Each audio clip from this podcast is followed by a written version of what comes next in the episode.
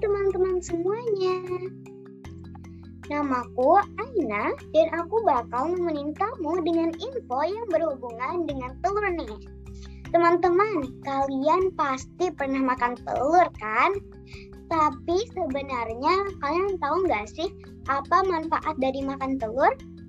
Nah, dalam sebutir telur, kalian bisa mendapatkan banyak nutrisi dan vitamin yang penting untuk tubuh.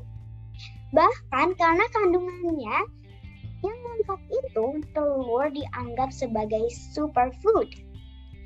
Selain memiliki banyak manfaat, telur juga memiliki rasa yang enak dan bisa diolah menjadi beragam jenis makanan.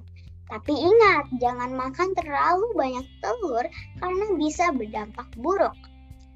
Memang apa sih dampak buruknya?